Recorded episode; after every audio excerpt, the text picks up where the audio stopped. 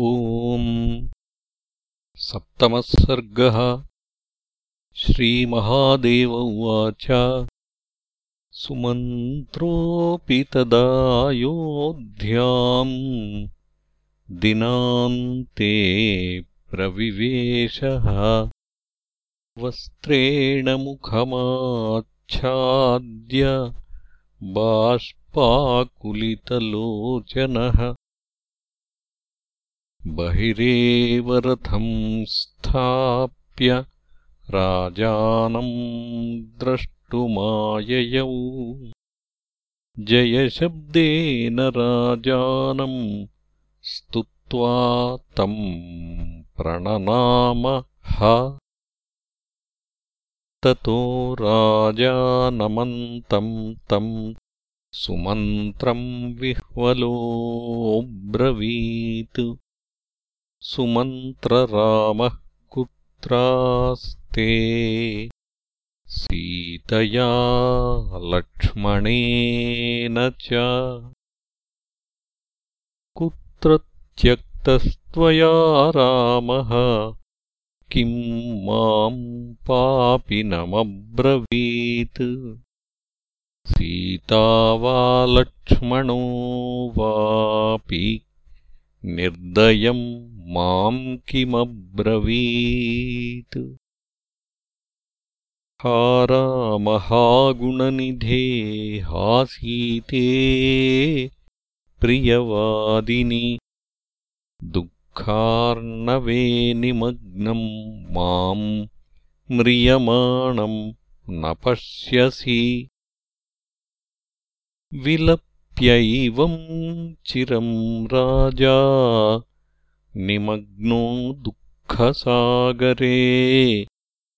एवम् मन्त्रीरुदन्तम् तम् प्राञ्जलिर्वाक्यमब्रवीत्।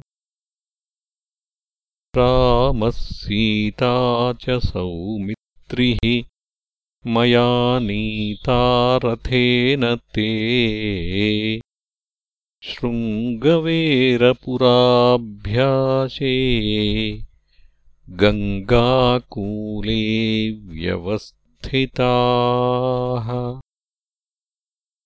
गुहेन किञ्चिदानीतम् फलमूलादिकम् च यत् स्पृष्ट्वा हस्तेन सम्प्रीत्या नाग्रहीद्विससर्जतत् वटक्षीरम् समानाय्य गुहेन रघुनन्दनः। जटामुकुटमाबध्य मामाह नृपते स्वयम् सुमन्त्रब्रूहि राजानम् शोकस्तेस्तु न मत्कृते। साकेतादधिकम् सौख्यम् विपिने नो भविष्यति। मातुर्मे वन्दनम् ब्रूहि शोकम् त्यजतु मत्कृते आश्वासयतु राजानम् वृद्धम् शोकपरिप्लुतम्। सीता चाश्रुपरीताक्षी मामाह नृपसत्तमा दुःखगद्गदया वाचा। रामम् किञ्चिदवेक्षति साष्टाङ्गम् प्रणिपातम् मे। ब्रूहि श्वशुरयोः पदे। इति प्ररुदती सीता गता किञ्चिदवाङ्मुखी। ततस्ते अश्रुपरीताक्षा नावमारुरुहुस्तदा। यावद्गङ्गाम् समुत्तीर्य गतास्तावदहं स्थितः ततो दुःखेन महता। पुनरेवाहमागतः। ततो रुदन्ती कौसल्या। राजानमिदमब्रवीत्।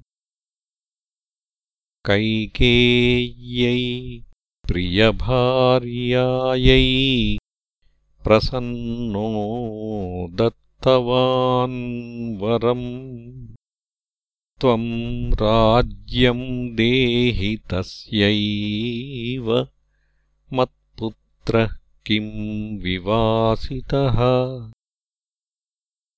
कृत्वा त्वमेव तत्सर्वमिदानीम् किम् नु रोदिषि कौसल्यावचनम् श्रुत्वा क्षते स्पृष्टैवाग्निना पुनः शोकाश्रुपूर्णाक्षः कौसल्यामिदमब्रवीत्। दुःखेन म्रियमाणम् माम् किम् पुनर्दुःखयस्यलम् इदानीमेव मे प्राणा उत्क्रमिष्यन्ति निश्चयः। शप्तोऽहम् बाल्यभावेन केनचिन्मुनिना पुरा पुराहम् यौवने दृप्तश्चापबाणधरो निशि अचरम् मृगयासक्तो नद्यास्तीरे महावने। तत्रार्धरात्रसमये मुनिः कश्चित्तृषार्दितः पिपासार्दितयोः पित्रोः जलमानेतुमुद्यतः अपूरयज्जले कुम्भम् तदा शब्दो भवन्महान् गजः पिबति पानीयमिति मत्वा महानिशि बाणम् धनुषि सन्धाय शब्दवेधिनमक्षिपम्। हा हतोऽस्मीति तत्राभूच्छब्दो मानुषसूचकः कस्यापि न कृतो दोषो। मया केन हतो विधे। प्रतीक्षते माम् माता च पिता च जलकाङ्क्षया। तच्छ्रुत्वा भयसन्त्रस्तस्ततोऽहम् पौरुषम् वचः शनैर्गत्वाथ तत्पार्श्वम् स्वामिन् दशरथोऽस्म्यहम् अजानता मया विद्धस्त्रातुमर्हसि माम् मुने इत्युक्त्वा पादयोस्तस्य पतितो गद्गदाक्षरः। तदा मामाह स मुनिर्माभैषीर्नृपसत्तमा ब्रह्महत्या स्पृशेन्न त्वाम् वैश्योऽहम् तपसि स्थितः। पितरौ माम् प्रतीक्षेते। क्षुत्रुभ्याम् परिपीडितौ। तयोस्त्वमुदकम् देहि शीघ्रमेवाविचारयन् न चेत्त्वाम् भस्मसात्कुर्यात् पिता मे यदि कुप्यति जलम् दत्त्वा तु तौ नत्वा कृतम् सर्वम् निवेदय। शल्यमुद्धर मे देहात् प्राणांस्त्यक्ष्यामि पीडितः। इत्युक्तो मुनिना शीघ्रम् बाणमुत्पाट्य देहतः स जलम् कलशम् धृत्वा गतोऽहम् यत्र दम्पती अतिवृद्धावन्धदृशौ क्षुत्पिपासार्दितौ निशि। नायाति सलिलम् गृह्य पुत्रः किम् वात्र कारणम् अनन्यगतिकौ वृद्धौ शोच्यौ तृट्परिपीडितौ आवामुपेक्षते किम् वा भक्तिमानावयोः सुतः इति चिन्ताव्याकुलौ तौ। पादन्यासजम् ध्वनिम् श्रुत्वा प्राह पिता पुत्र किम् विलम्बः कृतस्त्वया? देह्यावयोः सुपानीयम् पिबत्वमपि पुत्रका। इत्येवम् लपतोर्भीत्या सकाशमगमम् शनैः पादयोः प्रणिपत्याहमब्रवम् विनयान्वितः नाहम् पुत्रस्त्वयोऽध्याया राजादशरथोऽस्म्यहम्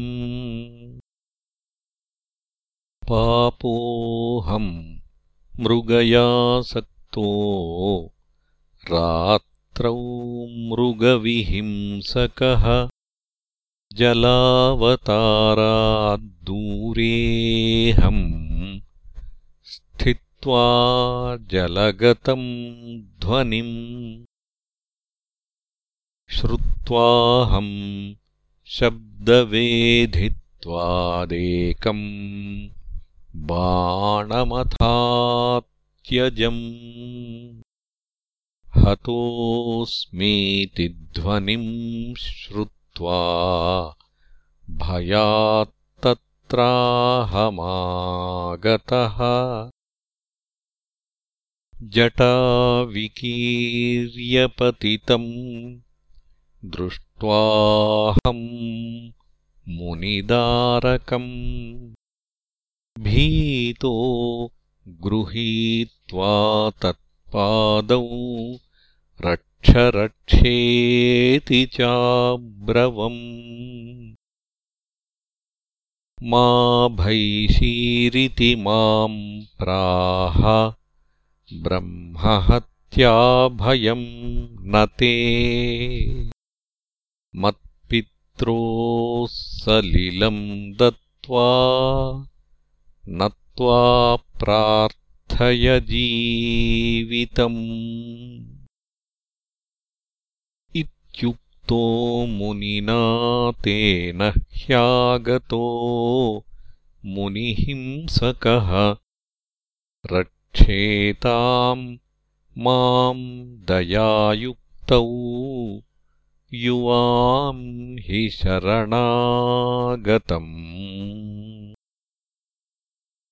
इति श्रुत्वा तु दुःखार्तौ विलप्य बहुशोच्यतम्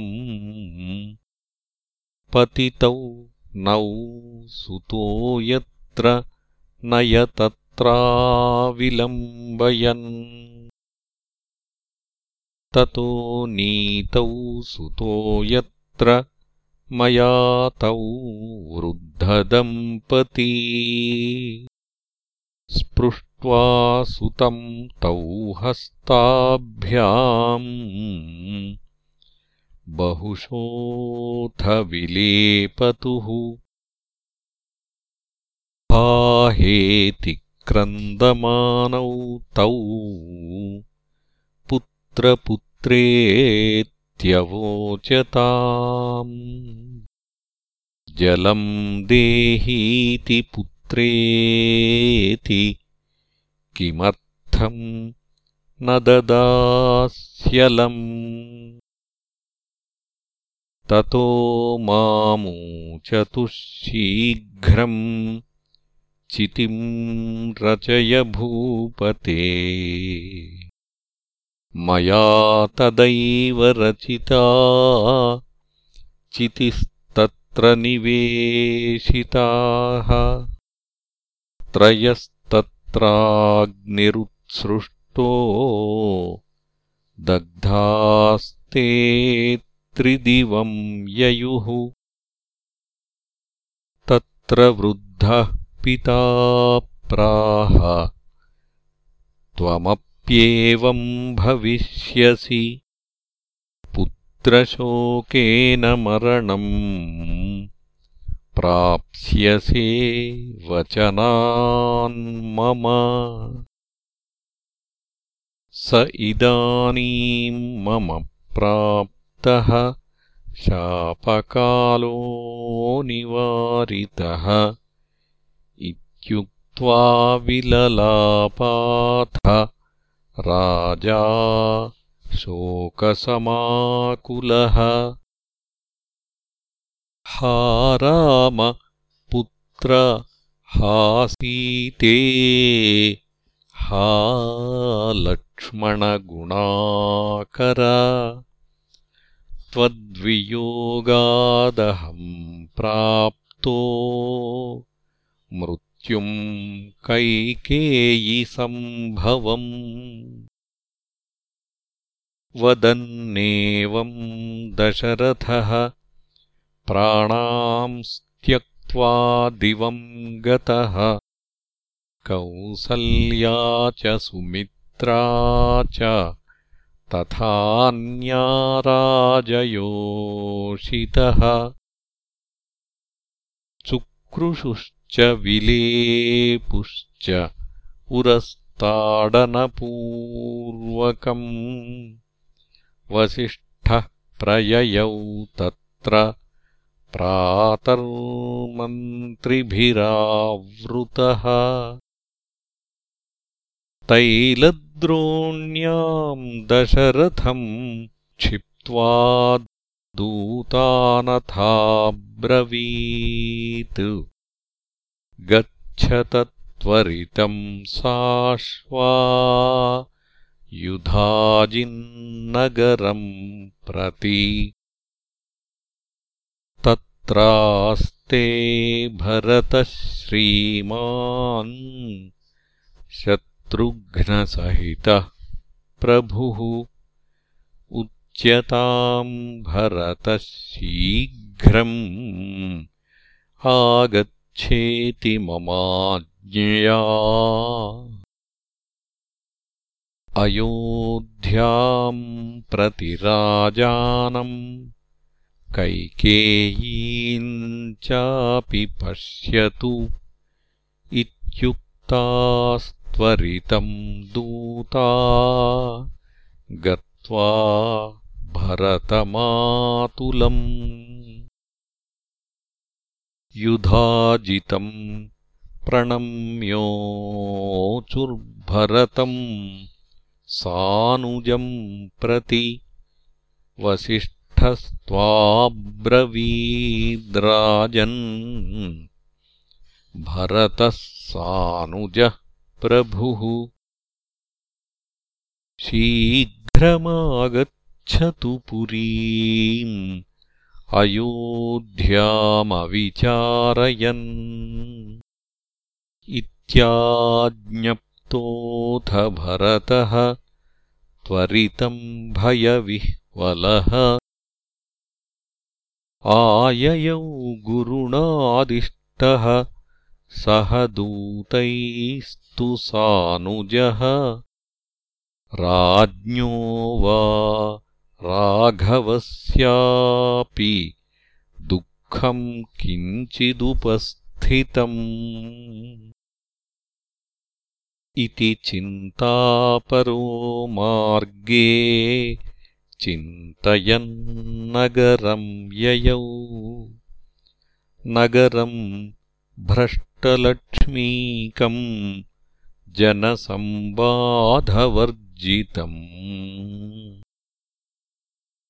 उत्सवैश्च परित्यक्तम् दृष्ट्वा चिन्तापरोऽभवत् प्रविश्य राजभवनम् राजलक्ष्मीविवर्जितम्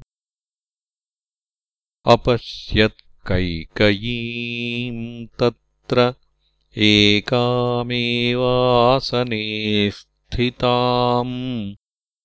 ननामशिरसा पादौ मातुर्भक्तिसमन्वितः आगतम् भरतम् दृष्ट्वा कैकेयी प्रेमसम्भ्रमात्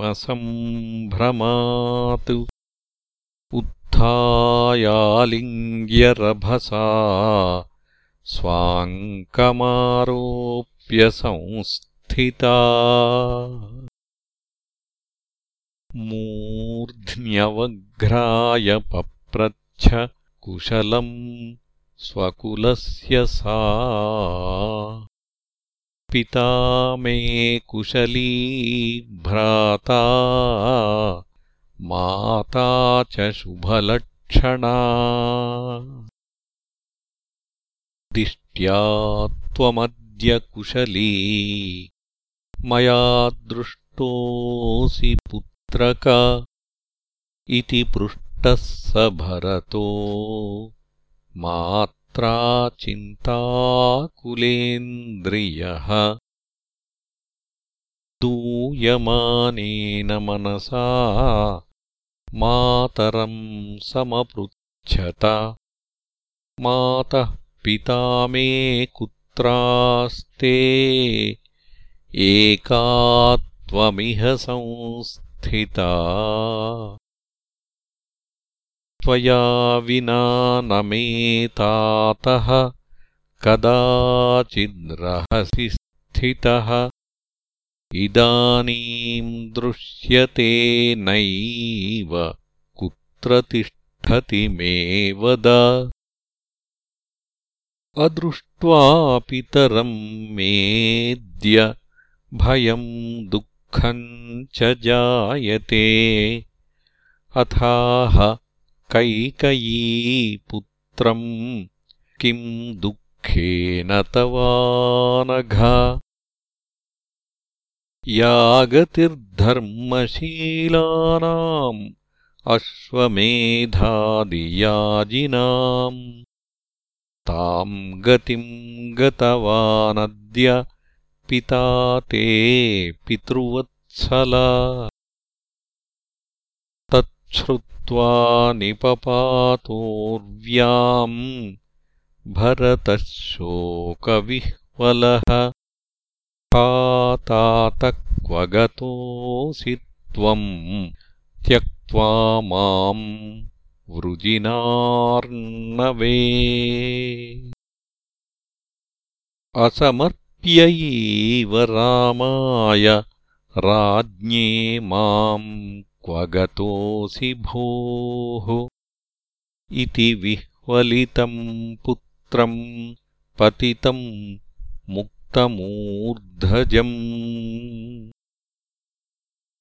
उत्थाप्यामृज्यनयने कैकेयी पुत्रमब्रवीत्। समाश्वसिहि भद्रम् ते सर्वम् सम्पादितम् मया। तामाहभरतस्तातो म्रियमाणः किमब्रवीत्। तमाह कैकयी देवी भरतम् भयवर्जिता हा राम राम सीतेति लक्ष्मणेति पुनः पुनः विलपन्नेव सुचिरम् देहम् त्यक्त्वा दिवम् ययौ। तामाह भरतो हेम्ब रामः सन्निहितो न किम् तदानीम् लक्ष्मणो वापि सीता वा कुत्र ते गताः। कैकेयुवाच रामस्य यौवराज्यार्थम् पित्रा ते सम्भ्रमः कृतः। तव राज्यप्रदानाय तदाहम् विघ्नमाचरम्। राज्ञा दत्तम् हि मे पूर्वम् वरदेन वरद्वयम्। याचितम् तदिदानीम् मे तयोरेकेन तेऽखिलम्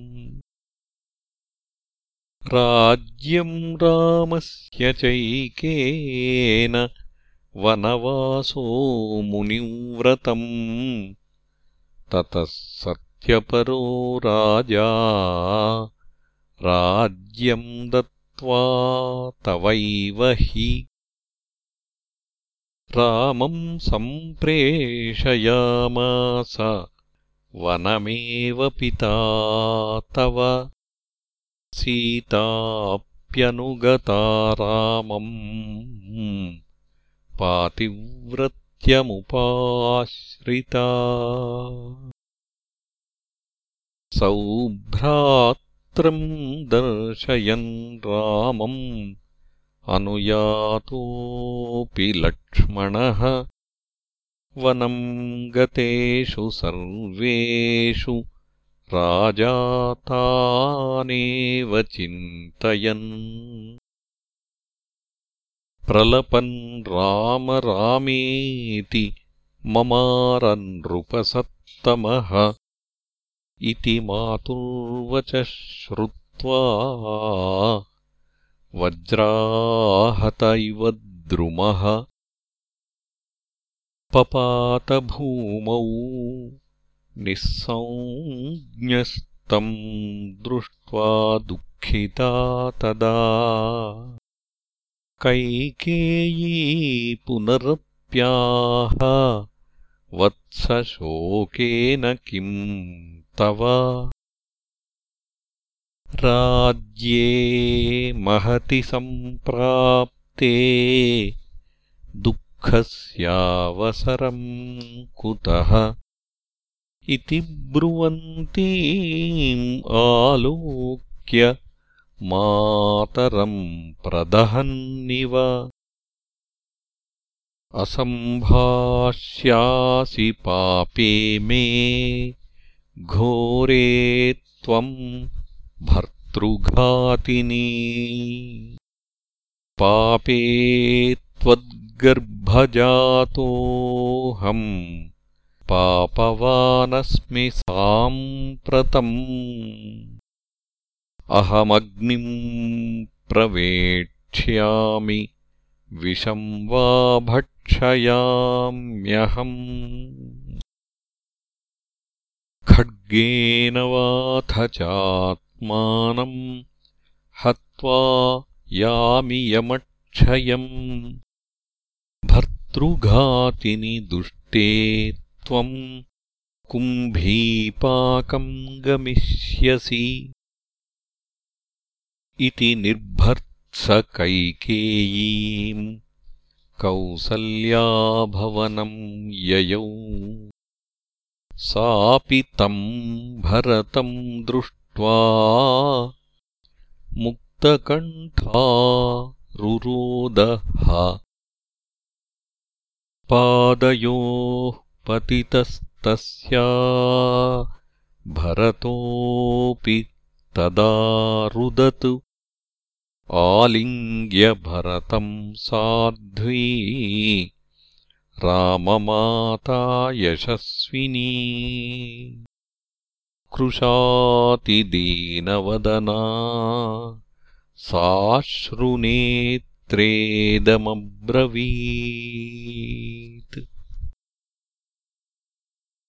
साश्रुनेत्रेदमब्रवीत् पुत्रत्वयि गते दूरमेवम् सर्वमभूदिदम्। उक्तम् मात्राश्रुतम् सर्वम् त्वया ते मातृचेष्टितम्। पुत्रः सभार्यो वनमेव यातः स लक्ष्मणो मे रघुरामचन्द्रः। चीराम्बरो बद्धजटाकलापः। सन्त्यज्य माम् दुःखसमुद्रमग्नाम्। हा राम हा मे रघुवंशनाथ। जातोऽसि मे त्वम् परतः परात्मा।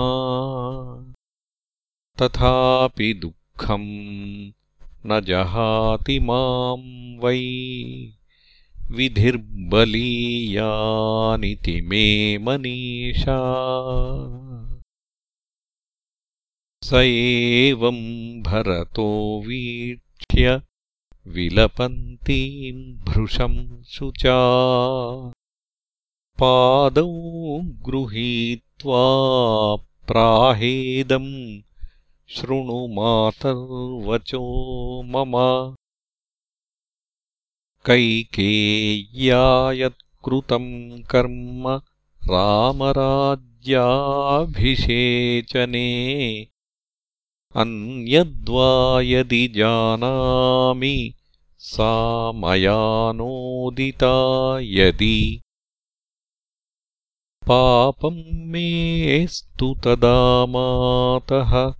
ब्रह्महत्याशतोद्भवम्।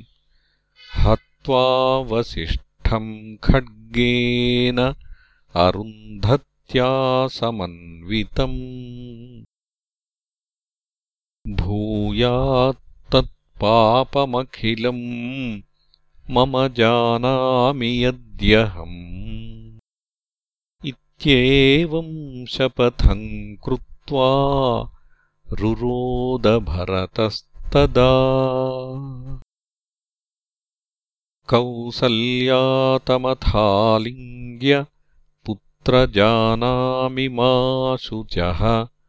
एतस्मिन्नन्तरे श्रुत्वा भरतस्य समागमम्। वसिष्ठो मन्त्रिभिः सार्धम् प्रययौ राजमन्दिरम् रुदन्तम् भरतम् दृष्ट्वा वसिष्ठः प्राह सादरम्। वृद्धो राजा दशरथो ज्ञानी सत्यपराक्रमः भुक्त्वा मर्त्यसुखम् सर्वम् इष्ट्वा विपुलदक्षिणैः। अश्वमेधादिभिर्यज्ञैः लब्ध्वा रामम् सुतम् हरिम्। अन्ते जगामत्रिदिवम् देवेन्द्राद्धासनम् प्रभुः। तम् शोचसि वृथैव त्वम् अशोच्यम् मोक्षभाजनम्। आत्मानित्योऽव्ययः शुद्धो। जन्मनाशादिवर्जितः। शरीरम् जडमत्यर्थमपवित्रम् विनश्वरम् विचार्यमाणे शोकस्य नावकाशः कथञ्चन पिता वा तनयो वापि यदि मृत्युवशम् गतः मूढास्तमनुशोचन्ति स्वात्मताडनपूर्वकम्। निस्सारे खलु संसारे वियोगो ज्ञानिनाम् यदा। भवेद्वैराग्यहेतुः स शान्तिसौख्यम् तनोति च जन्मवान् यदि लोकेऽस्मिंस्तर्हि तम् मृत्युरन्वगात् तस्यादपरिहार्योऽयम् मृत्युर्जन्मवताम् सदा। स्वकर्मवशतः सर्वजन्तूनाम् प्रभवाप्ययौ विजानन्नप्यविद्वान् यः कथम् शोचति बान्धवान्? ब्रह्माण्डकोटयो नष्टाः सृष्टयो बहुशो गताः। शुष्यन्ति सागराः सर्वे कैवास्थाक्षणजीविते। चलपत्रान्तलग्नाम्बुबिन्दुवत् क्षणभङ्गुरम् आयुस्त्यजत्यवेलायाम्। कस्तत्र प्रत्ययस्तव। देही प्राक्तनदेहोत्थकर्मणा देहवान् पुनः तद्देहोत्थेन च पुनः एवम् देहः सदात्मनः। यथा त्यजति वै जीर्णम् वासो गृह्णाति नूतनम् तथा जीर्णम् परित्यज्य देही देहम् पुनर्नवम्। भजत्येव सदा तत्र शोकस्यावसरः कुतः? आत्मानम्रियते जातु जायते न च वर्धते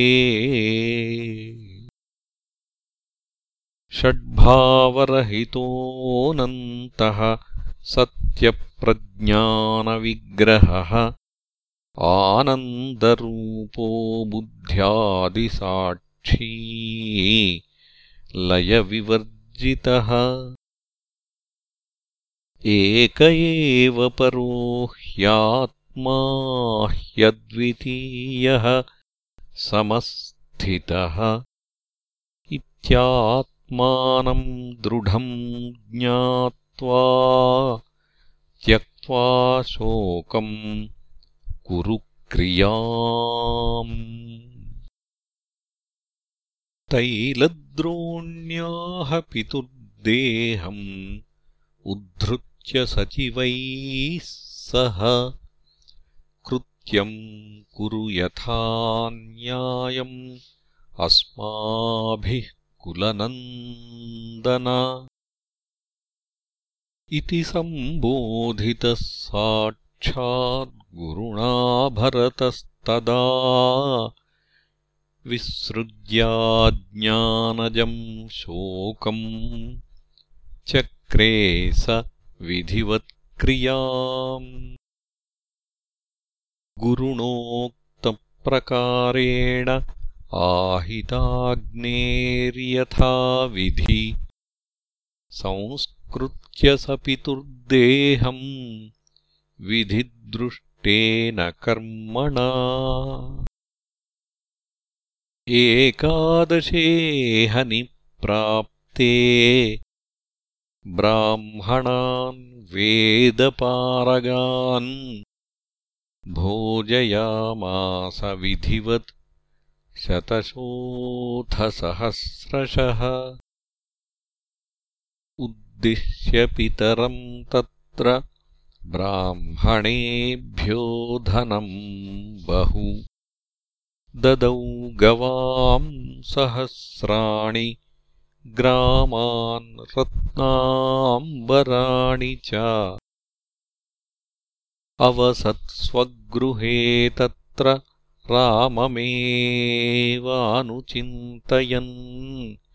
वसिष्ठेन सह भ्रात्रा मन्त्रिभिः परिवारितः।